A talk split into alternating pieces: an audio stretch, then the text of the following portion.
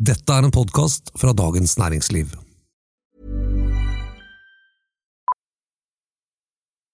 Millions of people have lost weight with personalized plans from Noom, like Evan, who can't stand salads and still lost 50 pounds.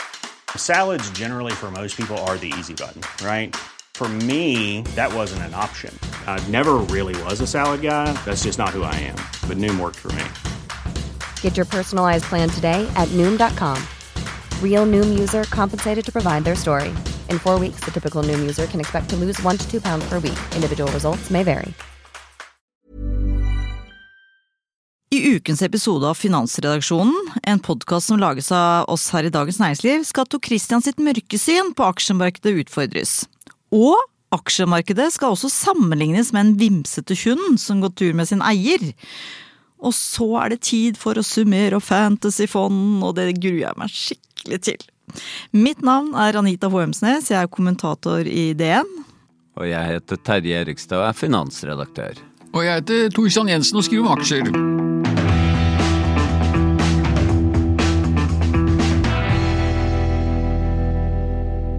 Jeg siterer Tor Christian Jensen fra Nei, jeg har holdt på å lese gamle artikler! Det var det for Oslo Børs i september, så skrev Tor Christian da, i september. For da var det kalddusj og proppen var falt ut og i det hele tatt. Og du, vi, er, vi veit jo alle at du er ikke på den mest lyse siden eh, når man skal beskrive ja, verden generelt, og aksjemarkedet spesielt, kanskje. Men eh, hvordan gikk det egentlig, Tor Christian, med dine spådommer at det var det? Jo, du, det var artig at du tråkk fram akkurat den, da. For at, eh, hvis jeg nå minnes rett, så var det det var det var om, om at at markedet skulle ha noe ytterligere oppgang. Og det har jo vist seg å være forbilledlig korrekt, i hvert fall hvis man måler fra inngangen til september. Til, eh, til nå så er jo eh, hovedindeksen er vel opp ca.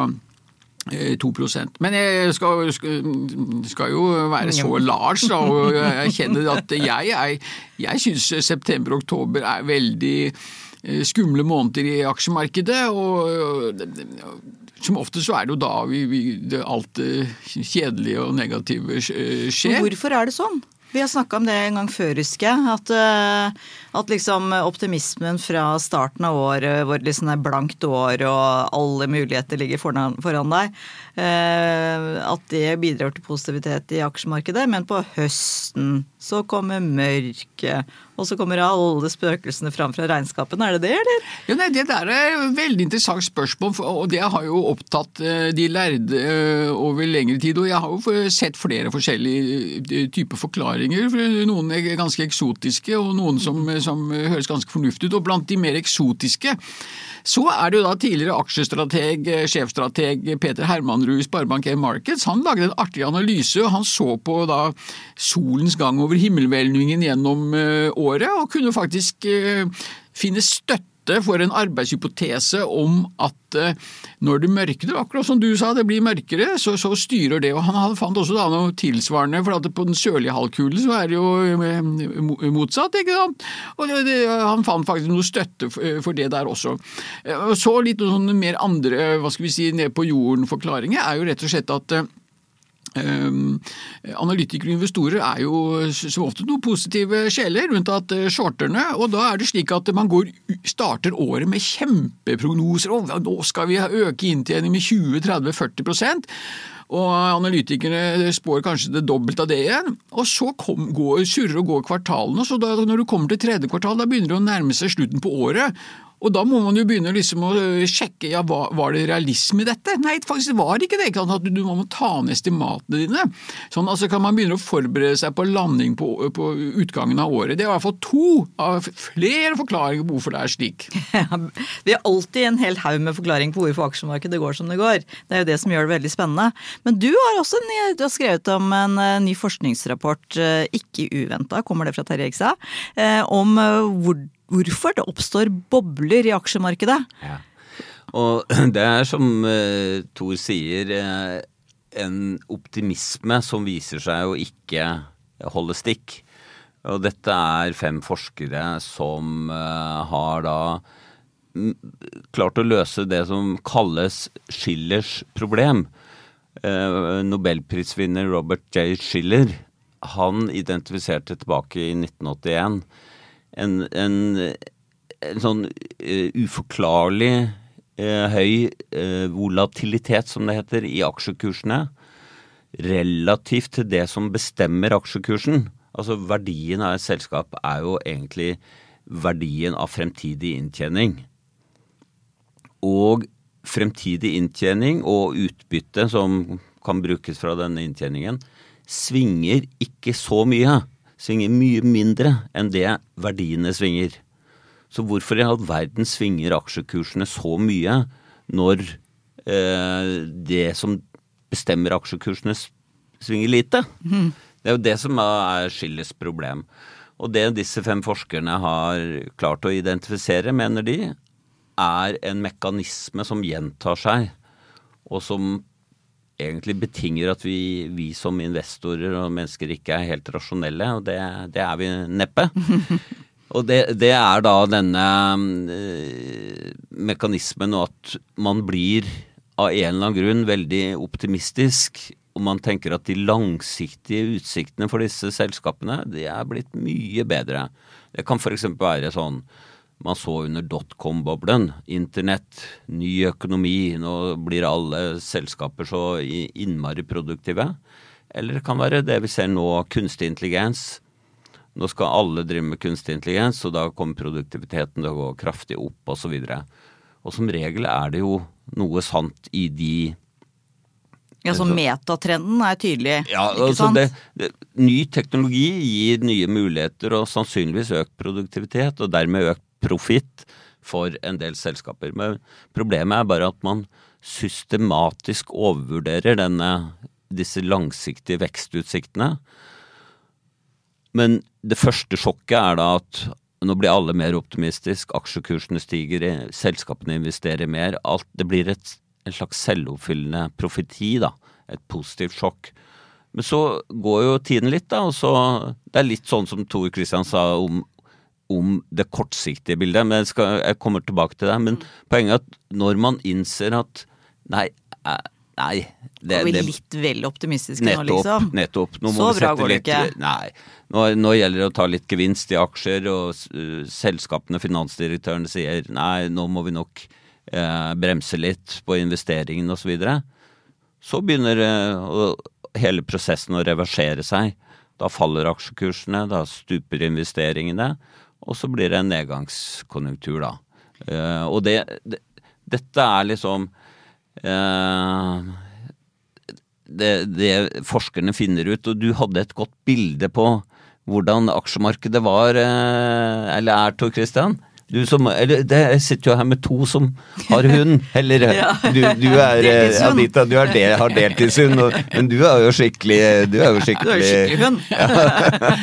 ja, og jeg lever med dette hver dag. Du har heltidshund ganger hundre. Ja. ja, og jeg må også starte med, fort med å si at det var ikke jeg som har funnet på dette bildet her, da, men jeg, jeg har lest om det. Jeg skulle ikke forundre meg om det var på Twitter. Kan hende. Men eh, Nei, altså det er da en mann eller dame som går eh, tur med hunden, ikke sant. Og da vet man jo at eh, den hundeføreren går jo på fortauet et eller annet, og hunden vimser først over i den ene grøftekanten, og så i den andre grøftekanten, og frem og tilbake. Og det er jo da en god lignelse på nettopp hvor Hunden er det som er aksjemarkedet, altså aksjemarkedet suser opp og ned, mens den underliggende økonomien, verdensøkonomien, det er uh, hundeføreren. Og jeg har jo privat teori hvorfor det, hvorfor det har seg på dette viset. og det er for Aksjemarkedet er jo som et slags det menneskelige eller livets teater. ikke sant, Med det som vi har som heter eh, FOMO, som vi har snakket om flere ganger før. Fear of missing out. Frykt, grådighet. Tap, eh, frykten for å tape alle pengene dine. Så kan du høre noen rykter av det er veldig interessant, det selskapet der skyfler du inn pengene dine. Og da når du ser kursen begynner å gå, så er det andre som gjør det samme, og så får det sånne forsterkende effekter. Så da driver kursen opp, og så kan plutselig høre man noen rykter om at eh, nei, nå går det dårlig her, og så begynner folk å selge for de er livredde for å tape eh, pengene dine. Men så skulle man jo tro, ut fra noe annet vi har snakket om tidligere i episodene våre, og det er dette med shorting, at det skulle korrigere noe av disse eksessene. og så har jeg veldig... Eksessene? Ja, jeg til og med et norsk ord. Nei, og så har du dette her med sant, Du har uh, the wisdom of crowds. Jeg har veldig tro på wisdom of crowds. Og jeg, jeg, har egentlig tro på aksjemarkedets flokken. eh, ikke sant, sig- Signalen som kommer fra aksjemarkedet, uh, har jeg stor tro på. Men vi vet, vi må jo bare kjenne det, at uh, aksjemarkedet overdriver kronisk. Og det må man være klar over hvis man skal plassere sine surt ervervede spareskillinger i, i aksjer.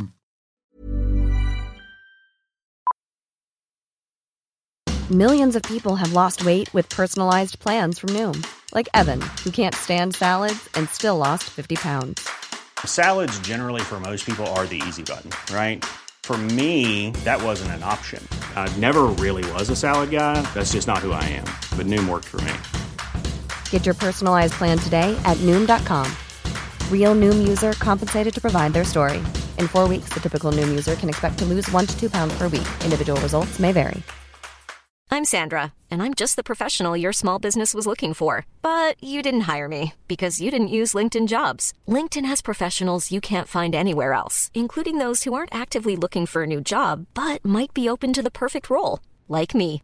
In a given month, over 70% of LinkedIn users don't visit other leading job sites. So if you're not looking on LinkedIn, you'll miss out on great candidates like Sandra. Start hiring professionals like a professional. Post your free job on linkedin.com/people today. Quality sleep is essential. That's why the Sleep Number Smart Bed is designed for your ever evolving sleep needs. Need a bed that's firmer or softer on either side? Helps you sleep at a comfortable temperature? Sleep Number Smart Beds let you individualize your comfort so you sleep better together. JD Power ranks Sleep Number number 1 in customer satisfaction with mattresses purchased in-store. And now, save 50% on the Sleep Number limited edition Smart Bed for a limited time. For JD Power 2023 award information, visit jdpower.com/awards. Only at a Sleep Number store or sleepnumber.com. Det som er litt interessant, at det vi begynte å snakke om, hvorfor eh, kan det liksom være en tendens til at det skjer negative ting i aksjemarkedet i september-oktober? Det kan være det forskerne har funnet er sånn kortsiktig å si, eh, Hvor ting korrigerer seg på kort sikt. Altså at man, man har liksom et estimat for dette året, og så viser det seg at det ikke stemmer. Og så justerer man seg på inn på slutten, fordi folk følger jo kalenderårene. Altså investorene er jo, rapporterer jo etter kalenderår og Ja, sånn. selskapene, ja. Ja, altså derfor, derfor blir det liksom en litt sånn datoavhengig. Mens det, den forskningen jeg snakker om, den ser på litt mer langsiktige endringer. Hvor du får sånne eh, trender som kan vare i ett til to år, og så får du en nedtur. For det, den langsiktige optimismen, det tar jo litt tid før man finner ut at den er overdrevet, ikke sant? Og, og, og, og disse forskerne har da gått tilbake til kanskje verdens mest kjente eh, økonom, eh, John Maynard Keynes. Keynes. Keynes, ja. Og han, han snakket om det som heter animal spirits, og da er vi jo tilbake på hundens eh, hundenivå igjen. Altså en slags dyrisk drivkraft, da, som er knytta til at, at det blir en, en sånn skikkelig optimisme, fordi nå, tror, nå, nå har man oppdaget en ny teknologi, eller man har, man har tatt i bruk noe helt nytt og spennende, eller noe som kommer til å være veldig, veldig bra. Og så er det bare en slags Det kan jo være de tingene som Thor snakker om, at andre på en måte kaster seg på når noen begynner å, å liksom investere etter bestemte sånne Men vi har jo prata veldig mye om den amerikanske langsiktige renta, Ja. Mm. den tiåringen. Fordi at den er et veldig godt bilde på eh, Eller gir gode og sterke signaler inn i aksjemarkedet. Mm. Ikke sant? Hvis den er høy, så tenker man at eh, disse pengene der framme er uh, mer verdt, Mm. på en måte. Og så har man disse tech-selskapene da som uh, som uh, ikke får inntjening før langt uh, Ja, Det de er mindre verdt. Mindre verdt, unnskyld meg. Og, og den har jo da steget, og vi har snakket tidligere om at nå er jo den tiåringen på en ny, ny high, og det er liksom Nå må jo, må jo dette signalet snart liksom slå inn, da. Men er det et sånt signal som nå ikke funker lenger? Jo, men eh, da, da kan jeg dra enda mer ut av den forskningen. Fordi at dette påvirker ikke bare aksjemarkedet og realøkonomien, men påvirker også rentemarkedet. Fordi når man tror at veksten fremover vil bli større, mm.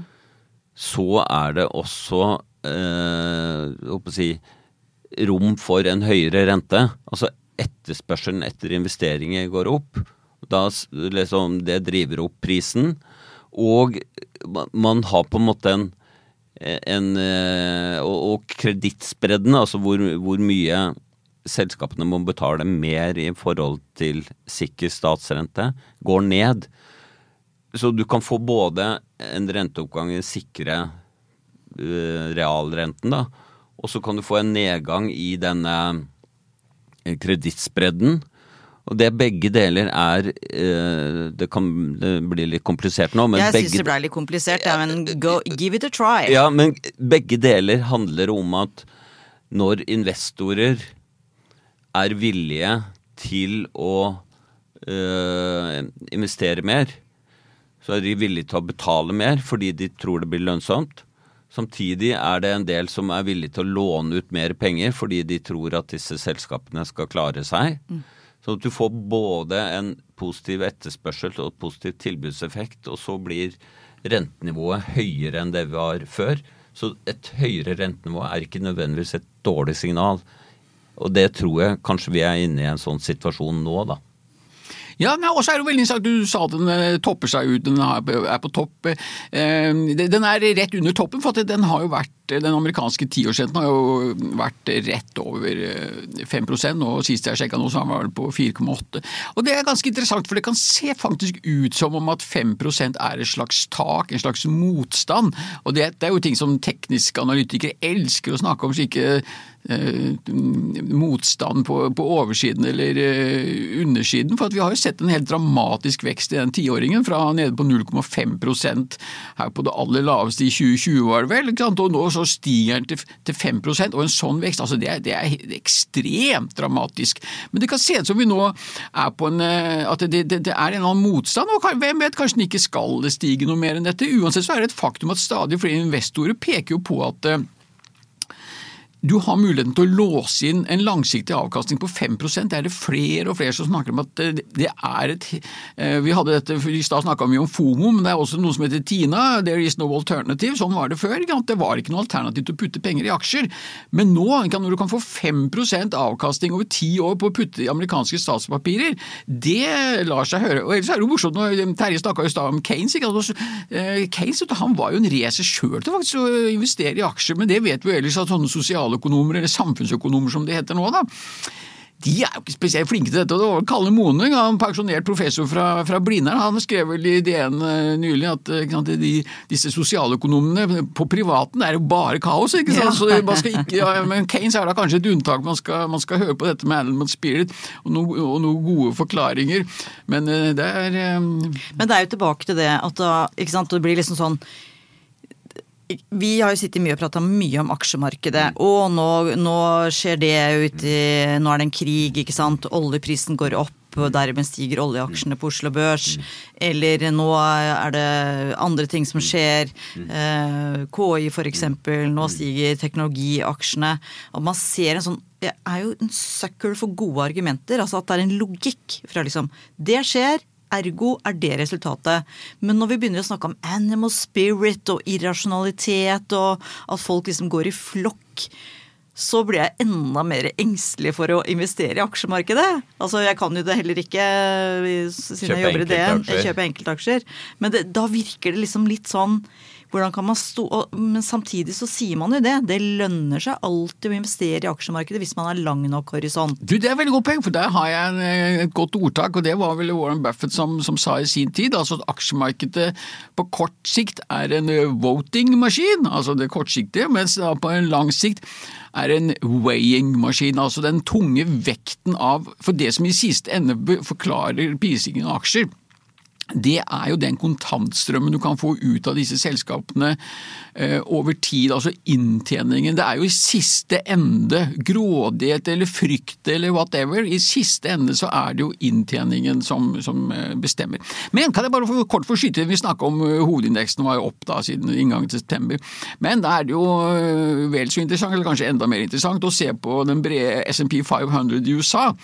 For den er jo ned 7 eh, siden da, og det er jo hovedsakelig noe, ja, noe type selskap vi har snakket om mange ganger før i episodene våre, dette med eh, tech-aksjer. Så det er disse sju-åtte svære teknologiaksjene som hovedsakelig er årsaken til, eh, til, kursfallet. Så faktisk i USA så har vi sett at eh, september og oktober har vært eh, svake måneder ja, det, for investorene. Det er tre måneder på rad med fall Riktig. i USA. Åh, så og, deilig. Fikk du rett, liksom, da, på en måte? Dette var det! Dette var det, ja. Men, men uh, uh, det var faktisk sånn på et tidspunkt det er riktignok en uke eller to siden jeg leste det, var Financial Times hadde da beregnet at hele oppgangen i verdensindeksen, MSCI-indeks, det er en av flere indekser som liksom måler hele aksjemarkedet, det globale aksjemarkedet, var disse syv teknologiselskapene i USA som sto for og det viser seg, det har vi Jeg har skrevet om det tidligere, det viser seg at over tid er det sånn at det er en veldig sånn skjevfordeling i aksjemarkedene. Det er noen få selskaper som virkelig løfter hele markedet. Og så er det veldig mange selskaper, det typiske selskaper, det er selskap som faktisk ødelegger verdier. Hvor du som eh, aksjonær ikke Eh, du, du, kom, du, taper penger ved å være eier i de selskapene. Man, man, man, det er lett å tenke at aksjemarkedet går opp og går ned. Så betyr det liksom at det typiske selskapet går opp eller ned. Men det er ikke sånn. Disse indeksene de er da såkalte verdivektede indekser, hvor store selskaper målt i markedsverdi teller mer enn små selskaper. Sånn at det uh, var jo en periode hvor, hvor eh, Equinor, da gassprisen gikk i været i 2022, hvor Equinor alene på en måte sto for hele børsoppgangen. Mm. Sånn at man må også liksom ha klart for seg at eh, aksjemarkedet er en, mange selskaper, det er jo flere hundre på Oslo Børs. Eh, SMP 500, som indeksnavnet tilsier, er faktisk litt noen ganger litt flere enn 500 i SMP 500, men det er i hvert fall 500 selskaper. Og borti USA har du jo Russell 1000, 2000, 3000, Wilshire 5000. Da har du jo liksom nesten alt av børsnoterte selskaper i USA. og det de indeksene kan utvikle seg veldig forskjellig, og det er som sagt Risikoen er at du Det er drevet av noe få Hva? Ja, du tar, går, eh, går, tur med feil bikkje. Nettopp. ja, da er det interessant å se på eh, hvilke aksjer er det så på Oslo Børs som har bidratt til denne oppgangen i de to siste månedene. I september og oktober, som vi da vet liksom, historisk er, kan være svake måneder. Og da, Selv om oljeprisene er jo stort sett eh, pluss minus det, det samme som det var ved inngangen til september, 85, 86, 87 dollar per fat. Men interessant nok å se da at selskap som, ja, som Terje nevner, Equinor, som er jo definitivt den største aksjen på på eh, børsen. Ja, de er jo opp da en 7-8 også de øvrige oljeselskapene. Men den, blant, hvis du skal se på de selskapene med stor markedsverdi, eller market cap som det heter på um, over there Beklager, jeg kunne ikke dy meg. Så er det jo Frontline. Tankrederiet Frontline de har råoljeskip av forskjellig størrelse. Det kalles Suezmaxer og VLCC-er og alle vakre, store, store skip. Det er jo oppover 30% så det har vært en fantastisk eh, aksje for eh, investorene der, og der er jo John Fredriksen den største eier. Det var der, var der jeg skulle putta pengene mine, da, for nå må vi bare dessverre gå over til det som jeg gruer meg til, og det er da Fantasy Fond. Det er da DNs eget aksjespill, som eh, da er Du får 100 000 fiktive penger for seks uker siden, og så skal du investere dem etter, godt vel, ja, etter alle kunstens regler, da. Og så skal du helst da komme ut med en bedre avkastning. Eh, jeg kan røpe det, at det er også mulig å ikke å tape en del, da. For nå er jeg da av 16 664 spillere, så havna jeg på 16 050. plass. Gratulerer. Altså, det er jo tapte, vet du, så det gjorde meg mine, jeg, mine 100 000 er nå blitt til 81 eller et eller annet sånt noe greier, da. Og gjorde feil etter feil. Jeg hadde jo Equinor, hadde Trygg AS heter min portefølje. Og hadde liksom satsa på alle disse trygge selskapene med noe litt krydder av noen tech-aksjer. Og så mista jeg helt fullstendig huet og skulle prøve meg på sånne raske klipp på SAS når det der eh, emisjonen eller det kom seg i orden med dem, og Solstad offshore og Skikkelig, skikkelig mislykka. Så det der med at aksjemarkedet ikke Nei, jeg gleder Gudskjelov er det bare fantasy. Men du kan jo da selvfølgelig Ja, og mitt mål var jo å slå deg. Det Nei, det, det, sier du først nå! Nei, jeg sa det tidlig, men det er jo på, på ingen måte klarte jeg det. Nei, Det er jo morsomt at du spør, fordi at eh, det er jo en sånn gruppe profil, såkalt profilerte eh, deltakere der. da, En gruppe på seks, sju, åtte stykker. Og eh, Der må jeg faktisk være så ubeskjeden og si at jeg vant faktisk i den gruppa. Men hvis man ser i forhold til den som vant hele konkurransen, nå er ikke den vinneren utropt ennå, så vidt jeg har fått med meg, men det er jo da Da snakker vi en avkastning på 40-50 Eh, over disse seks ukene konkurransen eh, har vart, og det er jo fantastisk bra. Og jeg, som du sa, Vi starta med 100 000, og jeg kom vel ut av det med 100 800 kroner. Men jeg, kan i hvert fall, eh, jeg har i hvert fall bevart, bevart kapitalen min, men jeg ble jo ikke noe særlig rikere i de to månedene. Jeg er bare imponert over at dere offentlig liksom vil være Henge dere selv ut til spott og spe?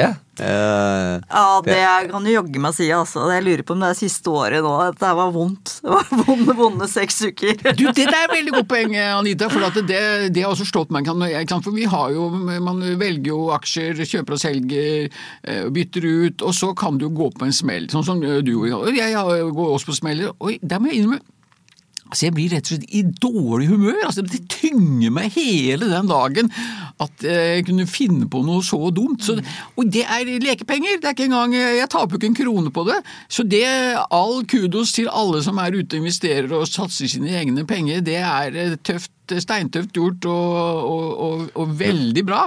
Er det ikke det også en saying, som det heter i aksjemarkedet? Sikkert eh, en eller annen som har sagt det. Cut your losses. Mm. Altså ikke, ikke, ikke double down, som det også heter. Ikke kjør på med tapperaksjene dine. Få de ut av porteføljen.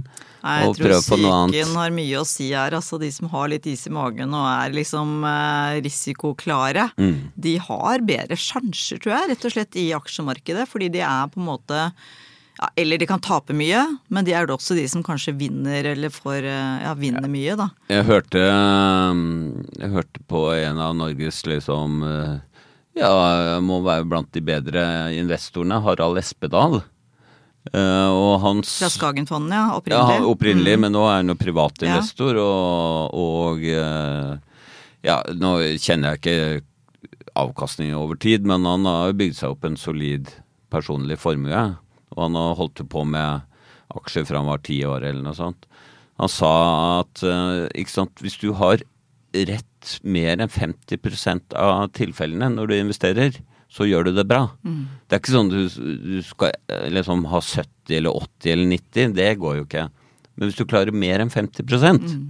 da får du kanskje en meravkastning ved å drive investeringer. Så i hvert fall det som jeg bekrefta nok en gang, og det å ha tid å sette til å på en måte å følge med i aksjemarkedet og liksom se hva som skjer, det er også en stor fordel. Sånn derre fem minutter rett før morgenmøtet og bare kaste ut noen aksjer og slenge noen nye. Det funker ikke. Eksakt. Og det er viktig i spillet, og det er jo enda viktigere i det virkelige livet. Altså Skal man drive med eh, konkrete aksjer, så må du ha tid til. Du må sette av tid. Fordi at eh, i løpet av en dag så kan Og det ser vi, la oss si i dag, nå er det jo onsdag vi spiller inn. eh, flyaksjen eh, Norse Atlantic stuper 30% pga. en eh, mystisk melding om noen rare misjonsbeslutning. Så da kan du altså, hvis ikke du er litt De pengene ville jo uansett vært tatt, for at aksjen falt jo 30 fra, fra start.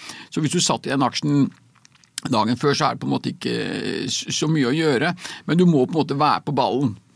Det er helt klart. Eh, hvis du har lyst til å lese mer om Norse, så ser jeg at det er en sterk utvikling i den saken nå på dn.no.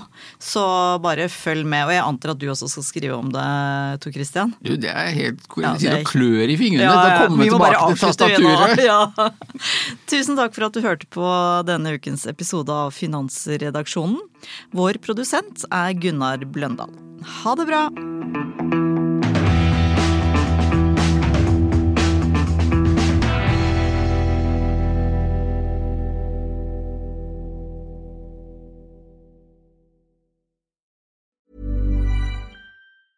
Planning for your next trip? Elevate your travel style with Quince. Quince has all the jet setting essentials you'll want for your next getaway, like European linen, premium luggage options, buttery soft Italian leather bags, and so much more. And is all priced at 50 to 80% less than similar brands. Plus, Quince only works with factories that use safe and ethical manufacturing practices. Pack your bags with high-quality essentials you'll be wearing for vacations to come with Quince. Go to quince.com slash pack for free shipping and 365-day returns. Du har nå hørt en podkast fra Dagens Næringsliv.